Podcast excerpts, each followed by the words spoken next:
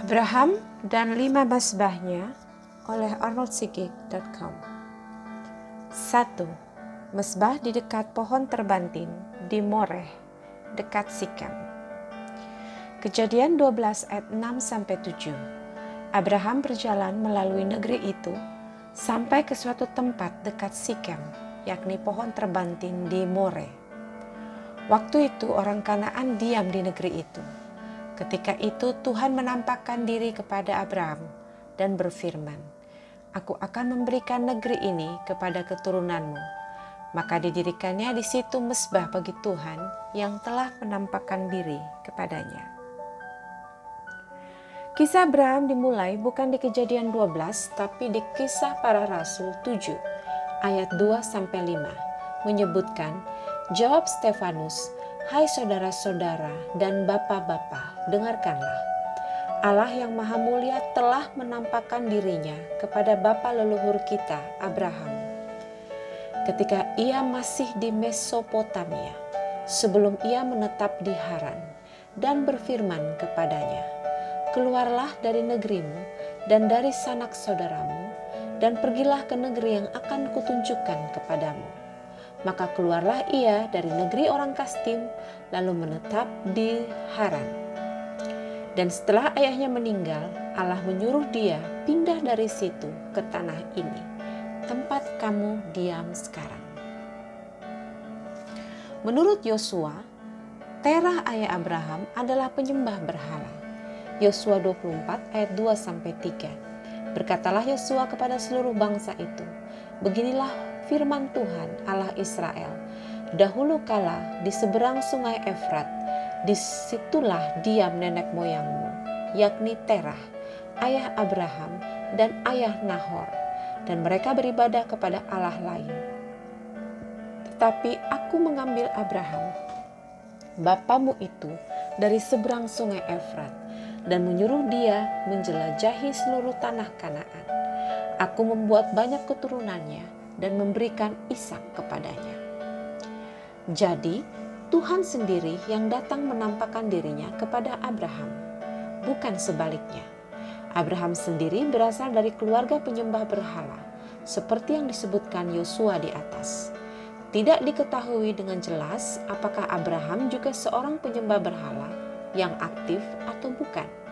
Yang jelas, Terah seorang penyembah berhala, seorang berasal dari kota Ur kota pusat penyembahan kepada dewa bulan. Nama Tera sendiri sangat dekat dengan kata bulan dalam bahasa Ibrani, ya Yareah. Ketika dia pindah ke Haran, Haran adalah juga kota penyembahan kepada dewa bulan. Jarak tempuh antara Ur dan Haran berkisar berkisar 950 km.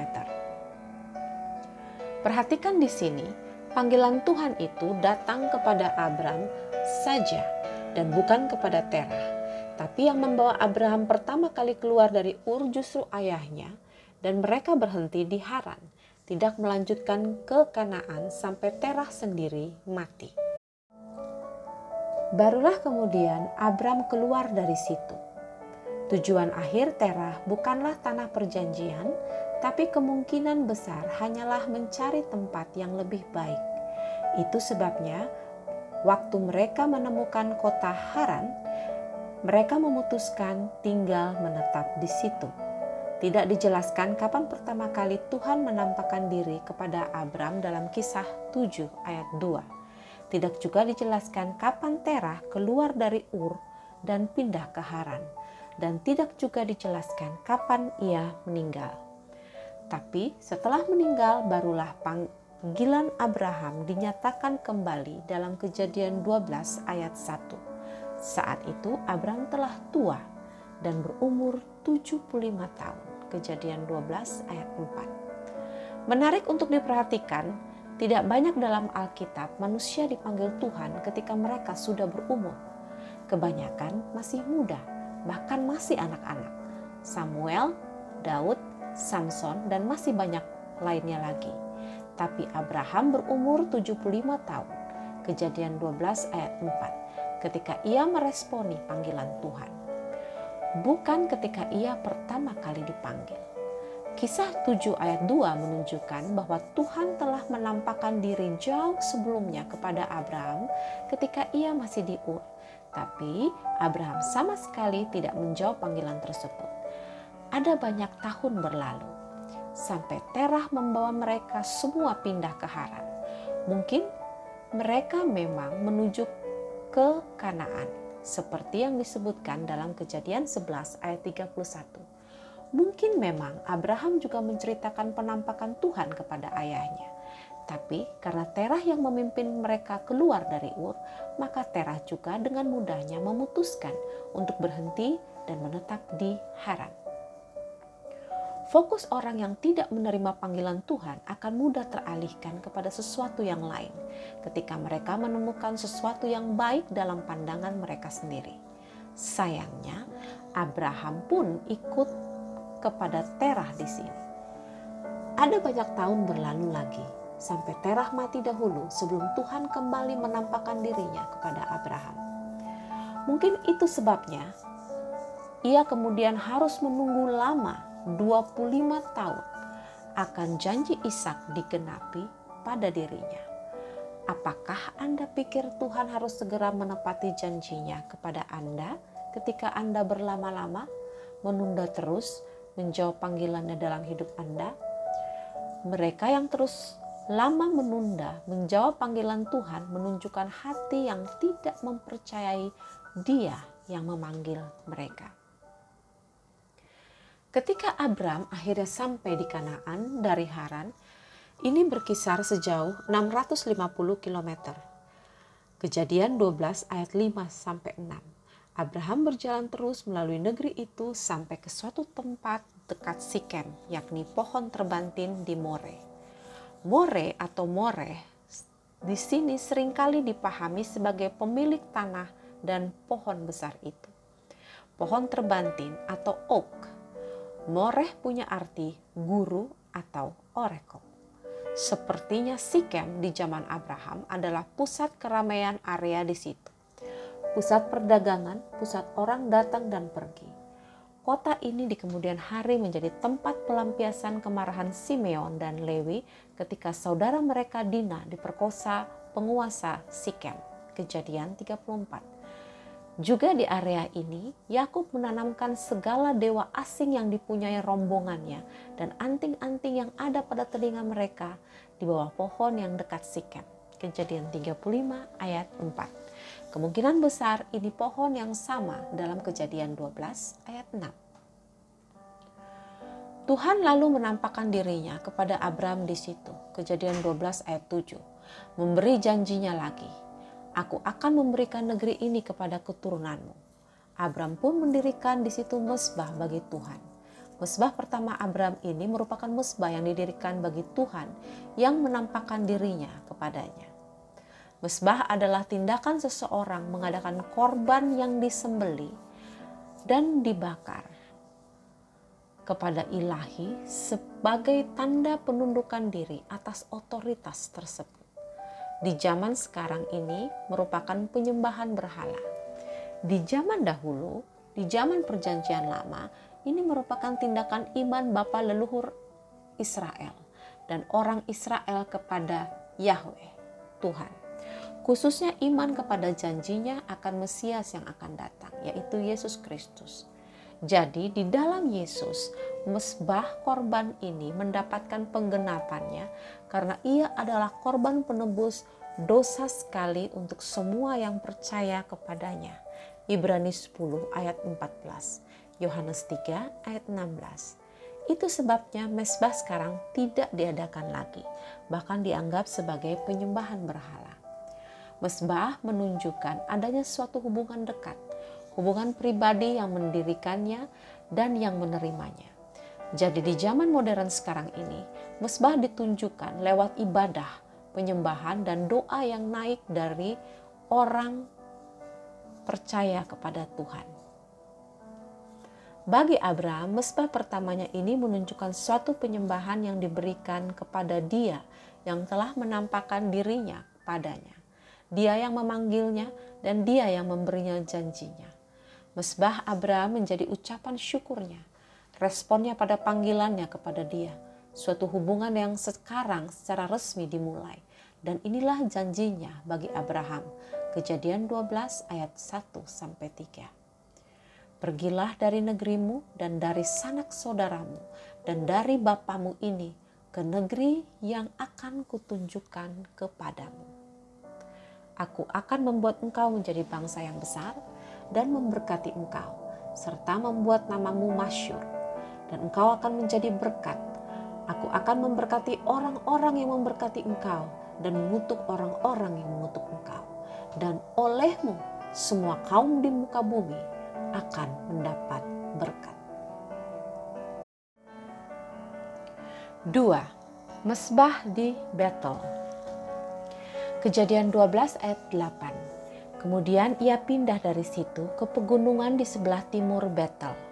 Ia memasang kemahnya dengan Betel di sebelah barat dan Ai di sebelah timur. Lalu ia mendirikan di situ mesbah bagi Tuhan dan memanggil nama Tuhan. Kata pindah dalam ayat 8 di sini punya arti kata yang menarik dalam bahasa aslinya. Kata pindah di sini berarti ketika Abraham retired, ketika ia pensiun. Ia pindah di masa tuanya ke pegunungan di sebelah timur Bethel. Bethel atau Bethel punya arti rumah Tuhan. Tapi tempat itu tidak mendapatkan namanya sampai Yakub, cucu Abraham, bermalam di sana dan bermimpi melihat tangga naik ke surga, di mana malaikat turun naik di situ. Kejadian 12, 28 ayat 19. Ai sendiri berarti tumpukan reruntuhan. Kota yang juga di kemudian hari dibinasakan oleh Yosua. Yosua 7 ayat 8. Tempat ini sejauh 30-an kilometer dari area Sikem. Ia memasang kemahnya dengan Betel di sebelah barat dan Ai di sebelah timur. Ayat ini seakan-akan berbunyi, Abraham kemudian membangun kehidupannya dengan rumah Tuhan di satu sisi dan masa lalunya di sisi yang satunya. Kata timur, Ai di sebelah timur dalam bahasa asli Ibrani punya pengertian asal mula, masa lalu, ancient times. Menariknya, di situ pun ia membangun mesbah dan memanggil nama Tuhan.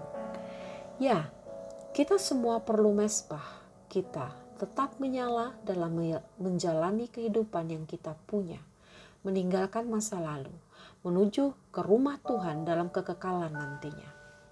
Mesbah Abram di sini menunjukkan kebergantungan yang begitu rupa sampai ia tua pada Tuhan untuk menuntun dan memimpin dia sepanjang jalan kehidupannya. Sayang sekali di ayat selanjutnya pada ayat ke-9 Abraham berjalan terus ke selatan, Negeb. Ayat 10 kemudian menyebutkan bahwa kelaparan timbul di Kanaan dan daripada Abraham berbalik ke Betel, ia justru menuju ke Mesir.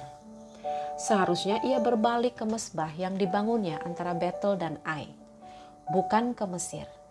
Ketika kelaparan yang sama terjadi di generasi Ishak, Ishak tidak pergi ke Mesir tapi tetap tinggal di daerah itu. Daerah yang kemudian dikuasai oleh Filistin. Kejadian 26. Karena Abram pergi ke Mesir, di situlah kemudian Hagar diberikan Firaun sebagai hadiah bersama-sama dengan budak pria dan budak wanita dan banyak ternak lainnya sepas sebagai hadiah tukar karena Firaun mengambil Sarah istri Abraham. Kejadian 12 ayat 6. Sekiranya Abraham kembali ke Betel bukan ke Mesir, mungkin Hagar dan Ismail tidak pernah ada. Mungkin kaum sepupu kita pun tidak pernah ada juga. 3. Mesbah di Betel setelah dari Mesir. Kejadian 13 ayat 4 ke tempat mesbah yang dibuatnya dahulu di sana, di situlah Abraham memanggil nama Tuhan, mengunjungi kembali. 12 ayat 8. Ketika Abraham kembali dari Mesir, ia kemudian berbalik ke tempatnya semula. Kejadian 12 ayat 8. Di situ ia kembali memanggil nama Tuhan. Hal ini menunjukkan Abram sekali lagi menyalakan kembali mesbahnya, mengadakan korban bagi Tuhan, dan memanggil namanya. Dari Betel ke Mesir, Abram menempuh jarak 350-an kilometer. Demikian pula sebaliknya. Di sini kemudian kita melihat bagaimana Lot dipisahkan Tuhan dari Abraham. Lot merebut bagian yang terbaik, kejadian 13 ayat 10, dan membuat Abraham tersingkir dari situ, kejadian 13 ayat 8. Ia pindah ke Mamre dekat Hebron sejauh 60 km dari Betel. Sepertinya kejadian 13 merupakan yang sangat buruk bagi Abraham. Tuhan telah menjanjikan tanah kanaan bagi dia, tapi hilang diambil kemenakannya sendiri. Ya, seharusnya tidak dibawa oleh Abraham menuju Kanaan. Bukankah Tuhan menyuruhnya meninggalkan sanak saudaranya? Kejadian 12 ayat 1. Ya, ketidaktaatan sering kali menghasilkan masalah.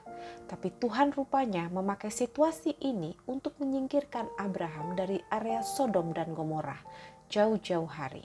Roma 8 ayat 28. Bayangkan jika seperti Lot, Abraham harus menyingkir segera dalam waktu yang kurang dari sehari. Betapa banyak kerugian yang harus diderita karenanya. 4. Mesbah di dekat pohon terbantin di Mamre dekat Hebron. Kejadian 13 ayat 18. Sesudah itu Abram memindahkan kemahnya dan menetap di dekat pohon-pohon terbanting di Mamre dekat Hebron. Lalu didirikannya lah mesbah di situ bagi Tuhan. Mesbah ini pun didirikan Abram karena Tuhan yang berfirman padanya di Kejadian 13 ayat 14 sampai 17 suatu mesbah yang berdiri karena peneguhan janji Tuhan kembali atas bagian terbaik dari janji Tuhan bagi Abram yang mau gak mau harus dilepaskan kepada Lot demi kedamaian dalam rumah Abram. Tidak dapat disangkali sama seperti ketika kita semua mengalami kejadian seperti Abram, kita kemudian akan jalan tertunduk, marah dan kecewa, kekesalan menguasai kita Kejadian 13 ayat 14. Tuhan berfirman, pandanglah sekelilingmu. Di terjemahan lain disebutkan, angkatlah matamu. Tuhan mau kita mengangkat mata iman kita, memandang lebih jauh, melebihi duka dan ratap kita dari situasi sekarang, sebab Dia adalah Tuhan yang tidak pernah gagal. Sebab rancanganku bukanlah rancanganmu, dan jalanmu bukanlah jalanku demikianlah firman Tuhan. Seperti tingginya langit dari bumi, demikianlah tingginya jalanku dari jalanmu, dan rancanganku dari rancanganmu. Sebab seperti hujan dan salju turun dari langit, dan tidak kembali ke situ, melainkan mengairi bumi, membuatnya subur dan menumbuhkan tumbuh-tumbuhan, memberikan benih kepada penabur dan roti kepada orang yang mau makan Demikianlah firmanku yang keluar dari mulutku. Ia tidak akan kembali kepadaku dengan sia-sia, tetapi ia akan melaksanakan apa yang ku kehendaki dan akan berhasil dalam apa yang kusuruhkan kepadanya. Yesaya 55 ayat 8 sampai 11. Aku tahu bahwa engkau sanggup melakukan segala sesuatu dan tidak ada rencanamu yang gagal. Ayub 42 ayat 2. Demikian mesbah ini didirikan Abram di Mamre, tempat yang punya arti gemuk, fatness, keadaan berlemak, makmur. Sebuah titik balik. Kejadian 14 bercerita tentang peperangan antara Raja Kedar Laomer melawan Raja-Raja Sodom. Bagi Abraham, ini merupakan bukti keberpihakan Tuhan kepadanya. Ia berhasil merebut, mengalahkan yang mengalahkan Sodom merebut kembali Lot, melepaskan kemenakannya ini yang telah berbuat jahat kepadanya. Namun bagi Abraham ia memutuskan tetap tidak mengambil harta Sodom. Kejadian 14 ayat 22 sampai 24. Suatu karakter yang berbeda yang dimiliki Abraham dari kebanyakan kita. Apa yang menjadi bagiannya direbut daripadanya. Dia mengalah. Kejadian 13 Begitu mendapatkan kesempatan membalaskan hal ini, dia tetap memutuskan tidak mengambil apa-apa dari yang sekarang seharusnya menjadi bagian dia dua kali lipat. Dia tetap melepaskan kejadian 14. Dia tahu bahwa harta dan kekayaan Sodomlah yang menyebabkan kehancuran akan daerah itu, yang menyebabkan kemenakannya mengkhianati dia. Dia mengerti bahwa harta itu mengandung kutuk, bukan berkat Tuhan yang telah dijanjikan sebagai bagiannya. Kejadian 15 dimulai dengan firman ini, Janganlah takut, Abram, akulah perisaimu, upahmu akan sangat besar. Di sini kita melihat bagaimana iman Abraham menjadi kebenaran bagi dia. Kejadian 15 ayat 6. Lalu percayalah Abraham kepada Tuhan, maka Tuhan memperhitungkan hal itu kepadanya sebagai kebenaran. Suatu iman yang lahir bukan sekedar perkataan, aku percaya kepadamu, ayat 6b. Tapi karena ketindakannya yang mempercayai Tuhan yang memberkati dia, kejadian 14 ayat 23. Ya, banyak kali tingkah laku kita lebih menunjukkan keadaan hati kita yang tidak pernah berbohong daripada mulut kita. Roma 4 ayat 9 sampai 12 bahwa kepada Abraham iman diperhitungkan sebagai kebenaran. Kita perlu belajar seperti Abraham untuk memiliki tindakan yang selaras dengan perkataan imannya, untuk punya perkataan yang sesuai dengan tindakan imannya. Jika iman itu tidak disertai perbuatan, maka iman itu pada hakikatnya adalah mati. Yakobus 2 ayat 17. Namun di Mamre ini juga kisah Hagar dan Ismail terjadi Kejadian 16, suatu cacat dan kesalahan yang dikerjakan Abram dalam usahanya bersama Sarai untuk memperoleh seorang anak. Tindakan yang dianggap Tuhan menolong dia, suatu penghinaan pada janjinya. Tuhan akhirnya tidak berbicara kepada Abraham selama 13 tahun berikutnya. Bandingkan ayat 16 kejadian 16 dan ayat 1 kejadian 17. Ketika Tuhan mengulangi janjinya kembali akan seorang anak bagi Abraham dalam kejadian 17 di Mesbah di Mamre inilah Tuhan datang menampakkan dirinya kepada Abraham sekali lagi. Di sinilah namanya diubah menjadi Abraham. Kejadian 17 ayat 5, Sarai menjadi Sarah. Kejadian 17 ayat 15. Sunat menjadi bagian persyaratan bagi janji ini kepada Abraham dan semua keturunannya. Kejadian 17 ayat 10 sampai 11. Bahkan dalam kejadian 18 Tuhan sendiri datang kepada Abraham ditemani dengan dua malaikatnya. Abraham sedang duduk di pintu kemahnya waktu hari panas terik dekat pohon terbanting di Mamre.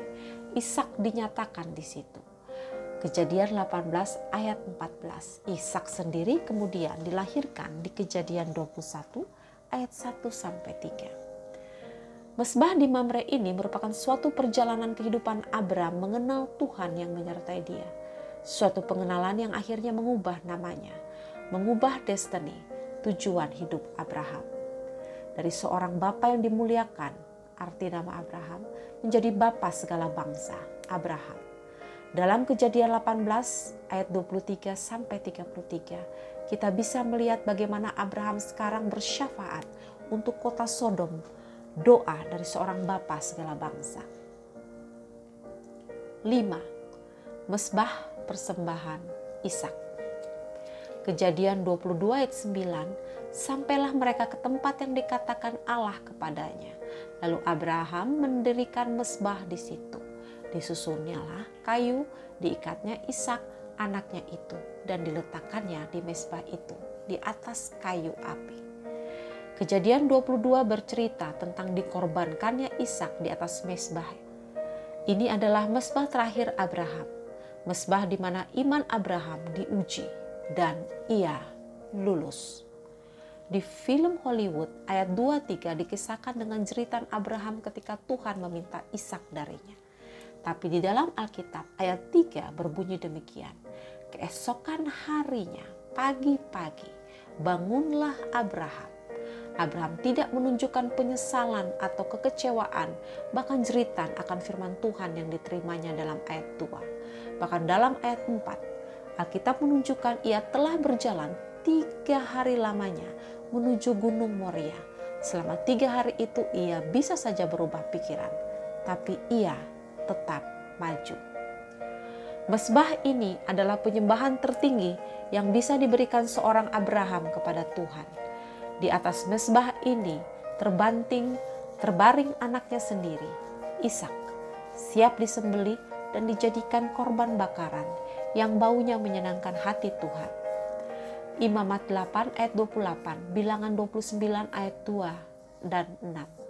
Di atas mesbah ini juga terutama terbaring iman Abraham yang mempercayai bahwa Tuhan pasti menyediakan.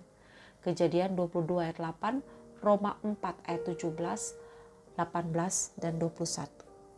Dan karena ia percaya, ia berani melepaskan anaknya sendiri kepada dia yang telah berjanji aku akan membuat engkau menjadi bangsa yang besar. Kejadian 12 ayat 1, Roma 4 ayat 18. Mesbah adalah penyembahan dan bukanlah mesbah jika tidak ada yang dikorbankan di situ. Banyak ucapan syukur, pujian dan penyembahan kita hanya lahir dari mulut, bukan suatu tindakan sungguh-sungguh yang lahir dari hati yang percaya. Apalagi tindakan yang mau memberi, berkorban, melepaskan, mengalah, mengampuni, dan tidak membalas. Namun, jika kita berani menaruh semuanya di atas mesbah itu, melepaskan, dan memilih Dia lebih dari segalanya, maka Tuhan yang menguji hati, Yeremia 17 ayat 10 dan Amsal 21 ayat 2 akan menemukan kita seperti Abraham. 2 Tawarik 16 ayat 9. Dia tidak hanya akan berjanji, tapi bersumpah Kejadian 22 ayat 16. Mesbah Abraham Mesbah Abraham dan kita bukanlah hanya tentang jawaban pada panggilannya, menikmati pemeliharaannya, dan menerima tuntunannya atau janjinya, tapi lebih sebagai di mana kita menaruh seluruh hidup kita untuk dibakar sampai habis sehingga baunya naik ke hadirat Tuhan, menyenangkan dia. Imamat 1 ayat 17. Amin.